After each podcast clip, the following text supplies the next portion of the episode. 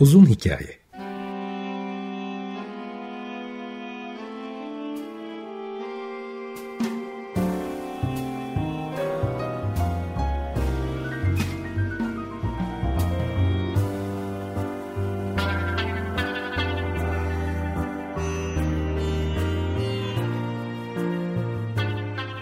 Hazırlayan ve sunan Muzaffer Çorlu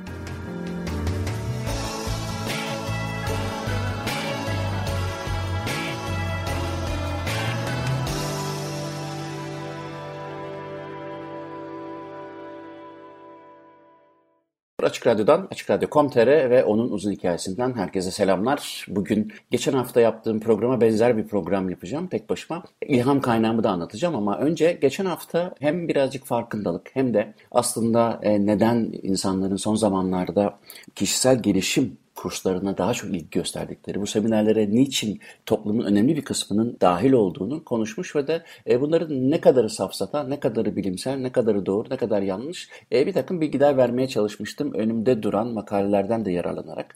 Ve o e, programdan sonra birkaç günlük tatil amacıyla hem arkadaşlarımı da görmek için Dublin'e gittim. Dublin'de çok önemli iki tane şey fark ettim. Bunlardan bir tanesi şuydu. E, uzun yıllardır İstanbul'dan tanıdığım arkadaşım beni Victor's Way diye dağın eteğinde kurulmuş. Birazcık işte Budist öğretilerle baş başa kalabileceğiniz çok büyük bir park yaratmış. Hem oranın sahibi ve dizayneri Victor'la tanıştım. Hem de e, parkın anlam ve önemini konuşurken ki çok çok büyük bir parktan bahsediyoruz. Birkaç hektar.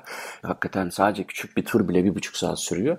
Karşınıza çeşitli heykeller geliyor. Eğer Victor's Way diye bakarsanız internetten o e, heykellerin önünde de yanında da e, Victor bir takım şeyler yazmış. E, kendi öğretileriyle ilgili. Onunla böyle uzun uzun sohbet etme fırsatı bulduğumuzda işte parkın da bir kısmını yürüdükten sonra şeyi fark ettim ettim. Küçük küçük işte kendi başınıza kalabileceğiniz, meditasyon yapabileceğiniz ya da işte su sesi, kuş sesi, ay sesi duyabileceğiniz ve başka da hiçbir şey duyamayacağınız küçük ortamlar var. Ve orada tabii ister istemez bir şehrin böyle bir imkan sunuyor olması ki hemen şimdi bir şehri çok abartarak övüyor olduğum çıkarılmasın buradan. E, İrlandalıların da çoğu bir haber e, o yerden. Benim şansıma arkadaşımın bildiği bir yer olduğu için gittim. Fakat orada en çok fark ettiğim şey hakikaten şehirlerin giderek artık insanlara kendi kendine kalabileceği aslında bir tür ibadet sayılabilecek e, kendini dinleme, işte ne olup bittiğini anlama ya da birazcık hafif bir gürültüden, e, hengameden arınma olasılığı verecek köşelerin kalmayışı dikkatimi çekti.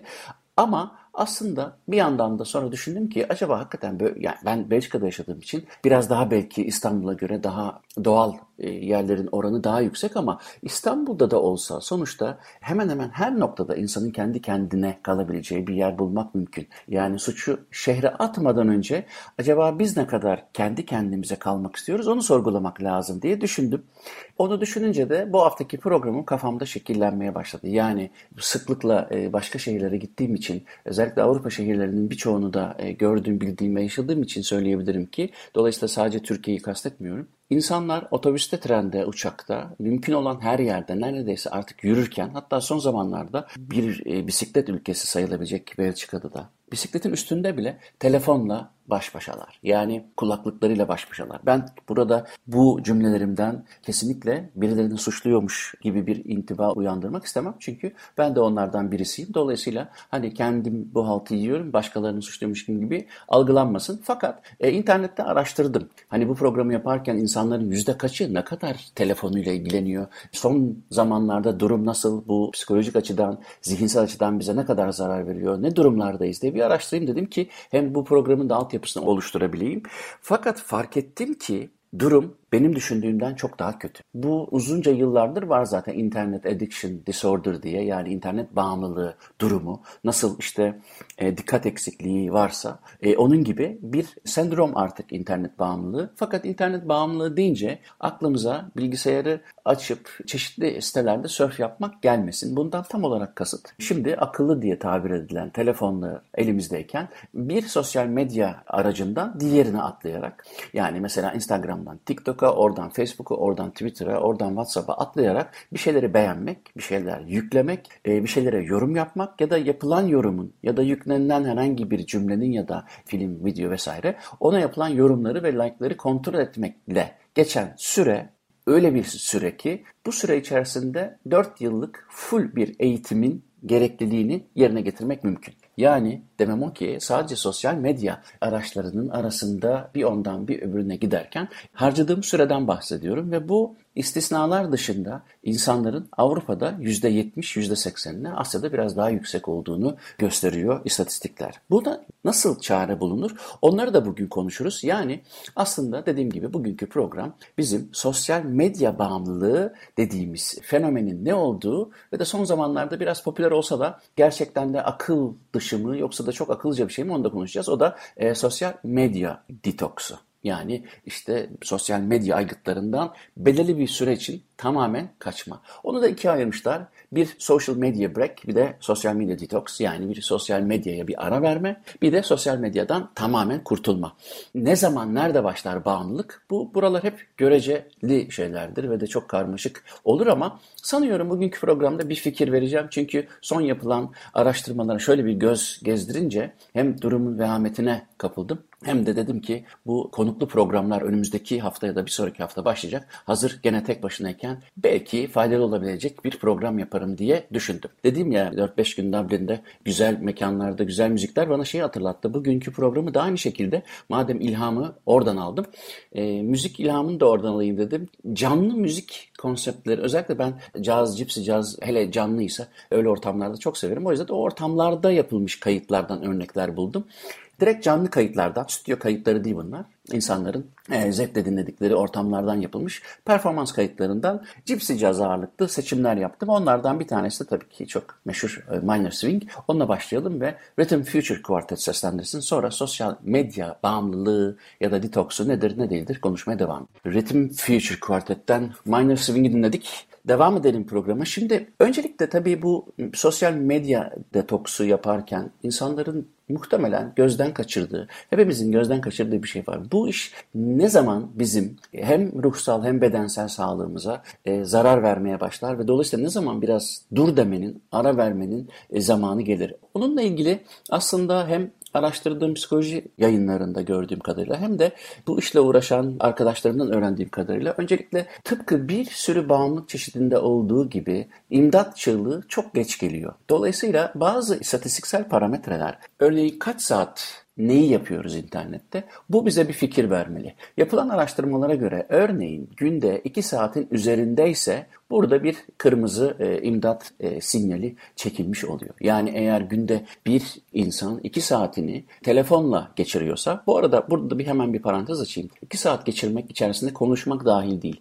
Ama yapılan bir araştırma şunu göstermiş. Telefonun kullanımı %98'i telefonun asıl birinci işlevi olan görüşme ve mesajlaşmanın dışında. Dolayısıyla telefon kullanımı dendiğinde artık telefonla birisiyle konuşmak anlaşılmıyor. %2 sonuçta bu. %98'i çoğunlukla 4 ana sosyal medya kanalı arasında surf yapmak. Şimdi dolayısıyla eğer bu iki saati geçiyorsa e, acaba ben çok fazla vakit geçiriyor muyum diye soruyorsanız kendinize bu sorunun cevabı evet. Burada tabii ilginç olan bir şey var. Bazı uyaran bağımlılıklarında anlaşıldığı kadarıyla insanların birbiri ardına sosyal medyadan sosyal medya beğendiği görülüyor. Yani işte birkaç dakika Facebook hemen oradaki bildirimleri aldık hemen oradan Twitter'a, oradan TikTok'a, oradan vesaire vesaire. Ama birbirleri arasında geçiş süresi ne kadar kısaysa bu tam bir bağımlılığa işaret ediyormuş ki bu da akla mantığa uygun. Çünkü bağımlılıktaki bağımlılık ne olursa olsun madde bağımlılığı olabilir, alkol bağımlılığı olabilir, nikotin bağımlılığı olabilir, insan bağımlılığı olabilir ne olursa olsun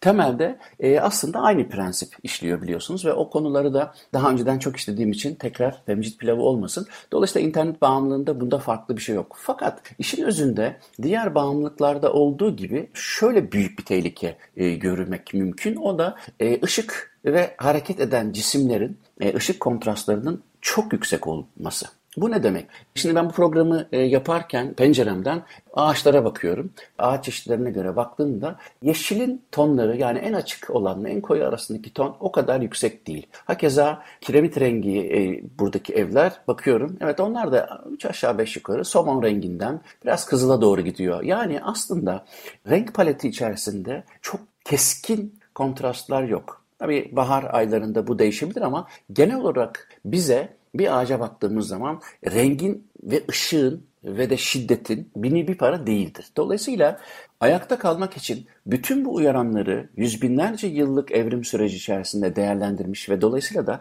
tehlikeli olanlarını ayıklamış ve ayakta kalabilmiş canlılardan birisi olarak insanlar için uyaran aslında çok önemli bir enformasyon, çok önemli bir bilgi kaynağı. Dolayısıyla biz gerek işitsel gerek görsel açıdan tehlikeli olabilecek ya da tehlike potansiyeli taşıyan herhangi bir canlıya ya da nesneye karşı dikkat durumuna, dikkat kesilme durumuna geçiveriyoruz. Dolayısıyla bizim aslında uyarıların değiştiği anda bir anda dikkat kesilmemiz bizim varoluşumuzla açıklanabilecek bir survival mekanizması. Yani sessiz sessiz bir korunun içinde yürürken gece yarısı bir hışırtı duyduğumuzda bu hışırtının elbette bir sincap tarafından da yapılacağı gibi bir yırtıcı tarafından da üretilebileceği endişesi aslında bir endişeden ziyade çok yerinde bir e, hayati korkuyu ifade eder. Dolayısıyla da bizim yüz binlerce yıldır aslında ön beynimizden çok daha gelişkin olan ilkel beynimiz bize bu konuda dikkatli olmamızı gerektiriyor. Ama bunun bir yan etkisi var. O da işte buna alıştıktan sonra uyaranlara dikkat etme bizim ayakta kalmamızdan ötürü bir ödül oluşturuyor. Fakat bu kadar suni bir ortamda yani hiçbir hayati zorluk, hayati tehlike içermeyen bir internet ortamında bu ışık kontrastları, bu ışığın gücü, kuvveti ve de e, çok hızlı hareket eden, şekil değiştiren nesnelerin e, ve hızlı resim değiştiren görüntülerin bizim beynimizde algısı kesinlikle ödül merkezini harekete geçiren bir uyaran görevi görüyor. Fakat hangi konu olursa olsun bir uyaranın sürekliliği aslında beyni bitirme noktasına gelen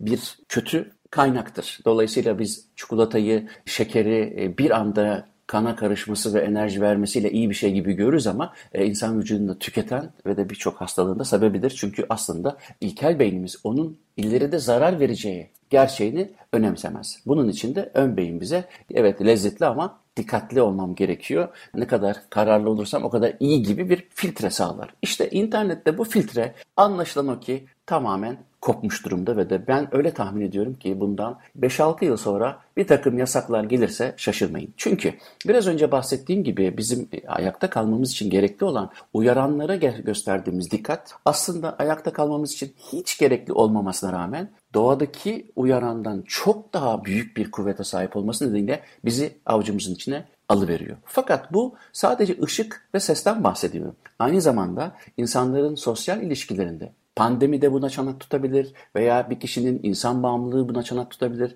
ya da kendi travmaları çanak tutabilir. İşin o taraflarına girmek istemiyorum ama o kadar çok farklı sebebi olabilir ki sosyal medyada özellikle Avrupa'daki gençler yani gençlerden kastım 13-18 yaş arasında epey bir psikolojik danışmana giden var. İnternetteki sosyal medyanın sonucunda ortaya çıkan rahatsızlıklardan dolayı. İnternet bağımlılığı artık literatüre giren bir durum. Devam edeceğim bu konuya. Dediğim gibi sizi böyle bir takım e, mekanlarda, canlı müzik mekanlarında hissettirmek için şimdi de benim çok sevdiğim gitarist Richard Smith'ten dinleyelim Pagani'nin Gypsy Jazz Style'ındaki yorumunu. Richard Smith geldi. Gypsy Jazz ve stüdyo kayıtlarından değil de mekan kayıtlarından örnekler veriyorum bu programda. Şimdi internet bağımlılığı aşağı yukarı dediğim gibi eğer günlük 2 saatten fazlaysa sizin için e, kırmızı alarm durumu başlamış demektir demiştim en son. Ve de niçin bu bağımlılığa düşme eğilimindeyiz onları bir parça konuştum ama tekrar tekrar söyleyeyim. Konuklu programlarda bu internet bağımlılığı üzerine mutlaka yeni bir program yapacağım. Özellikle çocukların e, bu konularda çok hassas olduğu ve zarar gördükleri ortada. Daha önceki programlarda işte bir buçuk iki ay olmuş olabilir. E, Veysi ile çocuk psikiyatristi nasıl e, etkilendiğini konuşmuştuk. O benim YouTube kanalımda duruyor. Dolayısıyla e, bakabilirsiniz çocukların özellikle neden dikkatle e, uzak tutulması gerektiği konusunda. Şimdi şöyle devam etmek istiyorum. Ben dediğim gibi bu programı araştırırken durumun nasıl bir vehamette olduğunu istatistikle göreyim dedim. O da Avrupa'da %80 üstü Asya'da daha da yukarıda bir bağımlı kitlesinden bahsediliyor. Fakat her bağımlılıkta olduğu gibi belirli bir yıl geçmeden bunun mental ve vücutsal etkilerini, psikolojik etkilerini hissetmek ya da en azından e, bağır şekilde hissetmek mümkün değil. O yüzden de önümüzde birkaç yıl daha var. Fakat Eğer bu programı dinliyorsanız bence e, bir ara hakikaten küçümsemeden durumu, internet bağımlılığı nedir, sosyal medya bağımlılığı nedir bakmanızı öneririm. Ben burada tabii damıtarak birkaç tanesini size paylaşıyorum ama amacım daha çok dikkat çekmek. Onlardan bir tanesini size şöyle özetleyeyim. Mesela bu araştırmada ne olursa olsun günlük eğer telefon kullanımınız 2 saati geçiyorsa bir sosyal medya detoksuyla kendinize gelmeniz öneriliyor. Social media detox yazdığınız zaman sanırım ilk üç şeyden birisi o çıkacaktır. Oradan ayrıntılarına bakarsınız. Ben başlıkları vermiş olayım.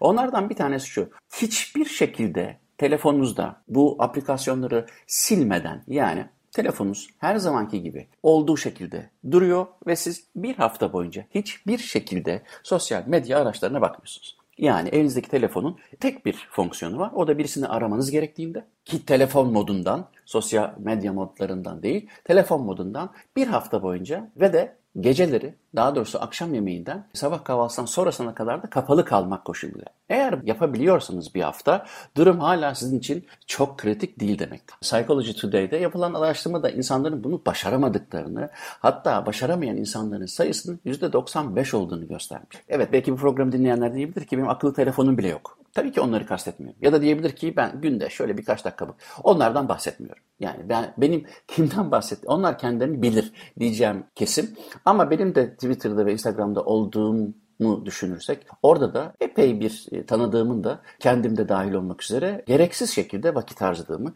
e, görüyorum. Fakat bu arada yapılan çalışmalarda şu gösterilmiş medya bağımlılığı, sosyal medya bağımlılığı hakikaten depresyonu, anksiyeteyi, endişeyi çok ciddi şekilde bilimsel olarak gösterilmiş ki tetikliyor ve de arttırıyor. Dolayısıyla hani kafa boşaltma gibi çok belki masumane sebeplerle başlanmış ya da öyle isimlendiriyor olabilir ama işin gerçeği kesinlikle bu değil. Özellikle ışık ve değişen resimlerin hızı bizim beynimizin henüz alışık olmadığı hızlarda. Dolayısıyla e, bu bizim için ciddi bir e, ödül mekanizmasını da harekete geçiren ve hemen bağımlılık yapabilen bir e, fiziki şart. Dolayısıyla bu dijital sistemler ile henüz beynin analog sistemi diyelim e, birbirine compatible değil. O yüzden de yok canım ben dikkat ediyorum diye geçiştirebileceğiniz bir durum değil. Onu ısrarla altını çizerek tekrarlayayım. Şimdi birçok psikolojik ve zihinsel sorunun belki sonucu bu medyayı kullanmak ama ben o tarafıyla değil bunu kullanmanın sonucu olarak ortaya çıkanı söylüyorum. O yüzden de bunlar da birbirinden farklı. Yani biz neden sosyal medyaya bu kadar düşüyoruz? Bu sorunun cevabı ayrı. Bu kadar çok düşüyorsak bizde ne gibi gelişmeler, değişiklikler oluyor? Bu da ayrı. Bunlar birbiriyle ilişkili mi? Evet ilişkili. Fakat e, ben ikincisine odaklanıyorum çünkü e, insan sayısı kadar neredeyse farklı motivasyonlar var. Oraya girdiğim zaman hem ben çıkamayabilirim işin içinden hem de haddimi aşabilirim diye düşündüğümden. Ama e, onunla ilgili de program yapacağım. Yani sosyal medyaya eğilimli olmak aslında hangi karakteristik sebeplerin bir sonucu o da ayrı bir konu. Şimdi gelelim şeye medya, e, sosyal medya detoksu nasıl yapılır? Dediğim gibi önce bir hafta elinizdeki telefon, akıllı telefonsa sadece hattan arama alma ve arama yapma dışında hiçbir şey kullanmadan ve de akşam yemekten sonra ve sabah kahvaltıdan sonrasına kadar de kapalı olan bu telefonunuzu bir hafta eğer elinizde tutabildiyseniz o zaman durum dediğim gibi hala kurtarılır durumdadır ama hatırlatayım %98'i bu durumu yapamamış. O yüzden de e, bakalım ben de deneyeceğim yapabilecek miyim? Çünkü işte radyo programını tanıtırım, e, oradan bir şey alırım, şunu okurum falan derken birdenbire kendimi öyle yerlerde buluyorum ki e, aslında dünyada gerçekten acı şok. Dünyada demokratik olmayan e, ülke sayısı toplam ülke sayısına neredeyse eşit. Dünyada açlıktan ölen çok, dünyada iklim değişikliği var, küresel ısıtmayı hep birlikte el ele yapıyoruz. Dünyada 150 yıldır ağır bir kapitalizm yaşanırken son 10 yıldır artık e, insanların birbirini umursamadıkları neler neler oluyor. Siyasal olarak dinin kullanılması Şimdi başlayayım. Sabaha kadar sorunları anlatırım. Bu bana hep şey gibi gelir. Dünyada yaşımız bütün kitapları okuyacak, bütün güzel yemekleri tadacak, bütün müzikleri dinleyecek kadar uzun bir ömrümüz yok. Dolayısıyla seçmek zorundayız. Maalesef kötü haberleri de seçmek zorundayız. Evet bu biraz vurdum duymaz gibi gelebilir kulağa ama ben maalesef olabildiğince kötü haberlere gözümüzün kulağımızı kapatmamız gerektiğini düşünüyorum. Çünkü her saniye telefonu elinize aldığınızda, sosyal medyaya girdiğinizde orada size gül bahçesi vaat edilmiyor. O sorunların hepsi gerçek olabilir ama dünyadaki bütün sorunlarla yüzleşmek bir insanın başarabileceği bir şey değil. Evet belki içimizde zaten var olan sorunları sanki dışarıdaki sorundan dolayı gibi hissederek içimizi rahatlatmak istiyor olabiliriz. Ama hayır gerçekten de şu an şu saniyede kaç kişi bir ihmalden dolayı ölüyor? Ya da şu an şu saniyede şu cümlem daha bitmeden kaç kişi açlıktan ölüyor? Bunları biliyoruz artık. Bunun için yapabileceklerimiz var ama bunun için yapabileceğimiz şey bu haberi Twitter'dan okumak, Instagram'daki bir şeyi beğenerek ya da beğenmeyerek değil. Dolayısıyla e, aslında ruhumuza farkında olmadan çok önemli sorumluluklar yükleyip üzülmesine yol açıyoruz. Her ne kadar hiçbir işe yaramayacak da olsa bu haberlerle baş başa kalmak zorunda kalıyoruz. Tabii e, özellikle gençlerdeki durumun bu olmadığını göstermiş araştırmacılar. Psychology.com'da gördüm bunu da. Gençlerdeki şey daha çok onaylanmayla ilgili ama orası da gene çok farklı yerlere gidebileceği için girmeyeceğim. Ama isterseniz okuyabilirsiniz. Bence e, internet e, bağımlılığın ve sosyal e, medya bağımlılığından etkilenenlerin daha çok gençler olduğu sayıcı olarak gösterilmiş ama yetişkinlerde de durum hiç azımsanacak boyuta değil. Fakat yetişkinlerde sadece durum biraz daha kolay bırakılabilirliği açısından farklı. Yani öyle büyümediği için çok daha az nöronal bağlantılar olduğu için büyük ihtimalle bir yetişkin hayatının ilk 15 yılında sosyal medyanın ne olduğunu bilmediğinden ötürü e, bunu bırakmakta çok zorlanmamakla birlikte bir gencin doğduğundan itibaren neredeyse hatta özellikle çocuklara yemek yedirirlerken bile sosyal medya olmadığı zaman reklamlara çocukların nasıl dikkat kesildiğini görmüşsünüzdür. Hep de bilinir. Hatta onları kaydedip yemek yedirirken reklamları vermek aslında çocuğu aptal yerine koyup zihnini bulandırarak hızlı hızlı değişen görüntülerle o da ne yaptığını bilmeden ağzını açar hale getiriyor ama maalesef işte bunun da çok büyük zararları var. İşte e, yetişkinlerdeki sosyal medya bağımlılığı bu nedenden ötürü biraz kolay atlatılabilir. Yani ilk 15 yılında buna rastlamamış olanlar. Dolayısıyla aslında sorun çok farklı değil. Sadece yetişkinlerde kolay bırakılabilirlik açısından bir avantaj var. Nasıl detoks yapılır konusuna hemen döneceğim. Ama bir e, Richard Smith'ten gene dinleyelim biraz önceki yorumcumuz. Jazz Fundos Brazil sonra devam edelim mekan kayıtlarıyla bugün biraz gypsy, caz dinliyoruz. Özellikle biraz önceki Richard Smith gibi biraz sonra belki vakit kalırsa Brelli Lacren gibi önemli caz gitaristlerin, Django Reinhardt'ın yolundan giden caz gitaristlerin mekan kayıtlarını dinletiyorum.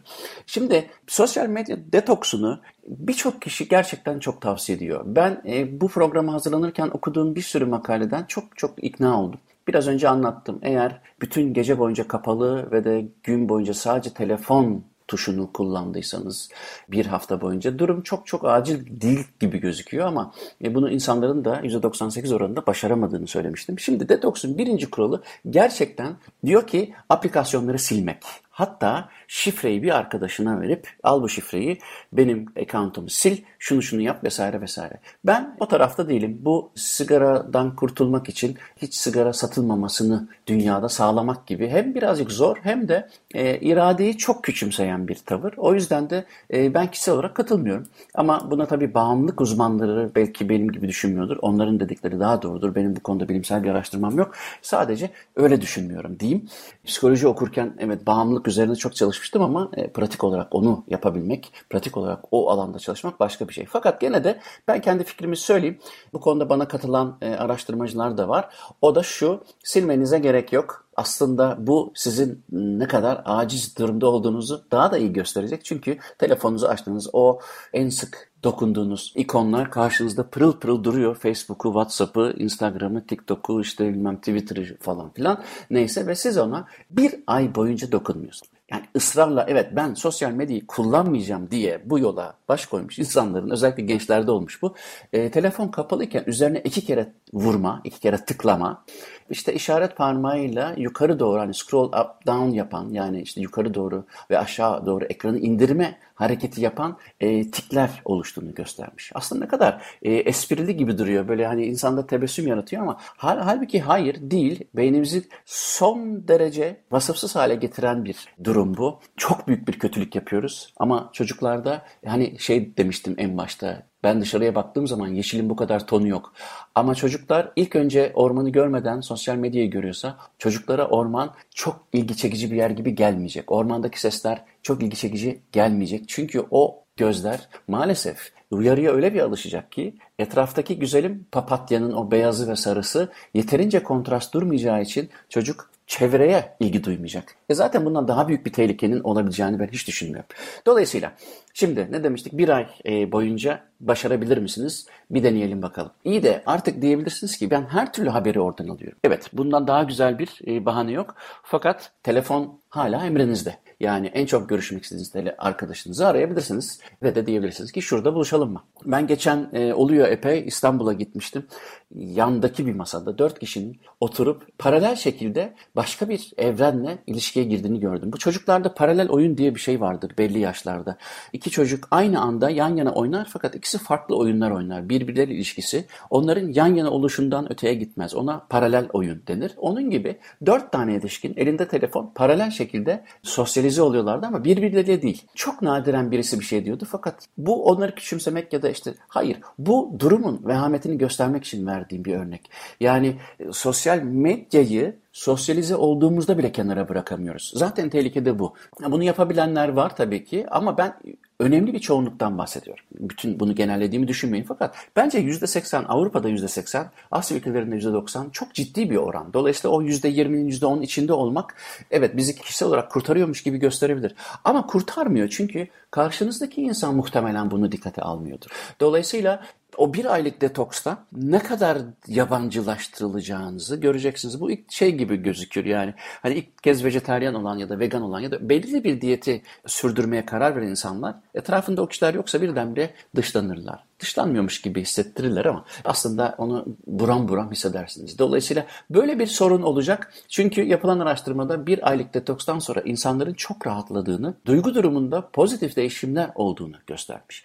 Daha sonra bunu kontrol hale getirdikten sonra yani bir ay tamamen uzak kaldıktan sonra aşağı yukarı tabii 3 hafta, 6 hafta bilmiyorum. Detaylarını bir başka programda veririm. Çünkü önündeki araştırmanın yapıldığı ülkeler Avrupa ülkeleri. Kültürler arasında bir e, karşılaştırma yapılmış mı bilemeyiz. Mesela verilen örneklerde şöyle söyleniyor. Örneğin işte öğlen tatiliniz bir saat diyelim ki çalışanlar için söylüyorum. Bunun yarım saatinde yemek yerken bile telefon açık olabiliyor. Ya da son 10 dakika gibi işte bir takım kısıtlamalar. Halbuki araştırmalar şunu diyor. Hayır yani günde şu kadar saat diye bir durum yok. Mesela o gün hiçbir şekilde sosyal medyayla ilgilenemeyebilmeniz lazım. Ya da işte e, aa üç gündür bakmıyorum bakayım ne olmuş durumuna düşmeniz lazım. Fakat dediğim gibi maalesef bu son derece imkansız gözüküyor. Şimdi ben sizi gene bir mekana götüreyim son olarak. Ondan sonra e, programı toparlayalım. O da Vreli Lagnain'den dinleyelim. Yine Gypsy Jazz stüdyo kaydı değil, e, canlı performans kaydı. Isn't She Lovely? Evet bugün sosyal medya bağımlılığı ve detoksuyla ilgili bir sohbetle birlikte canlı konser kayıtlarından Gypsy Jazz stilinde müzikler dinleyerek e, yavaş yavaş programın sonuna geliyoruz. Bugün geçenlerde dediğim gibi e, Psychology Today'in de konusuydu diye size bu konuyu anlatmak istedim ama bir iki tane örnek de vererek kapatayım. Onlardan bir tanesi çok geniş bir kitle üzerine uygulanmış çalışmada. Çok nadiren sosyal medyaya girenlerle sıklıkla sosyal medyaya kullananlar arasında ciddi bir depresyona eğilimli olma farkı e, görülmüş az kullananların lehine. Dolayısıyla e, bu önemli bir çalışma ve son bir çalışmada sosyal medya kullanımlarını giderek azalttıklarında bu depresyona eğilimlilerin daha az bir depresif ve anksiyete semptomu gösterdiklerini inceleyip ortaya çıkartmışlar. Bu e, yapılan çalışma 2020 çalışması Social Media and Mental Health adında Time for a Digital Detox diye bir soru soruyor. Yani dijital detoksa var mısınız? Tam zamanıdır diye e, Dr. Rob Whiteley tarafından yazılmış. Ben de oradan aktardım bazı örnekleri. Dolayısıyla deneyin derim. Yani sosyal medyanın yararları olabilir ama e, yararları olabilecek şekilde kullanıyor muyuz sorusu açık kalacak. Bana ulaşmak için Muzaffer Coğlu Gmail adresine yazabilirsiniz. denizatlam.gmail.com adresine de yazabilirsiniz. E, bu programlar Açık Radyo tarafından Spotify'da. Ben de görüntülü olarak YouTube kanalıma koyuyorum. Konuklu olanları tabii. Dolayısıyla oraya da bir uğrar bakarsınız. Belki abone olursunuz. Haftaya yeni bir programda görüşürüz. Hepinize günaydın.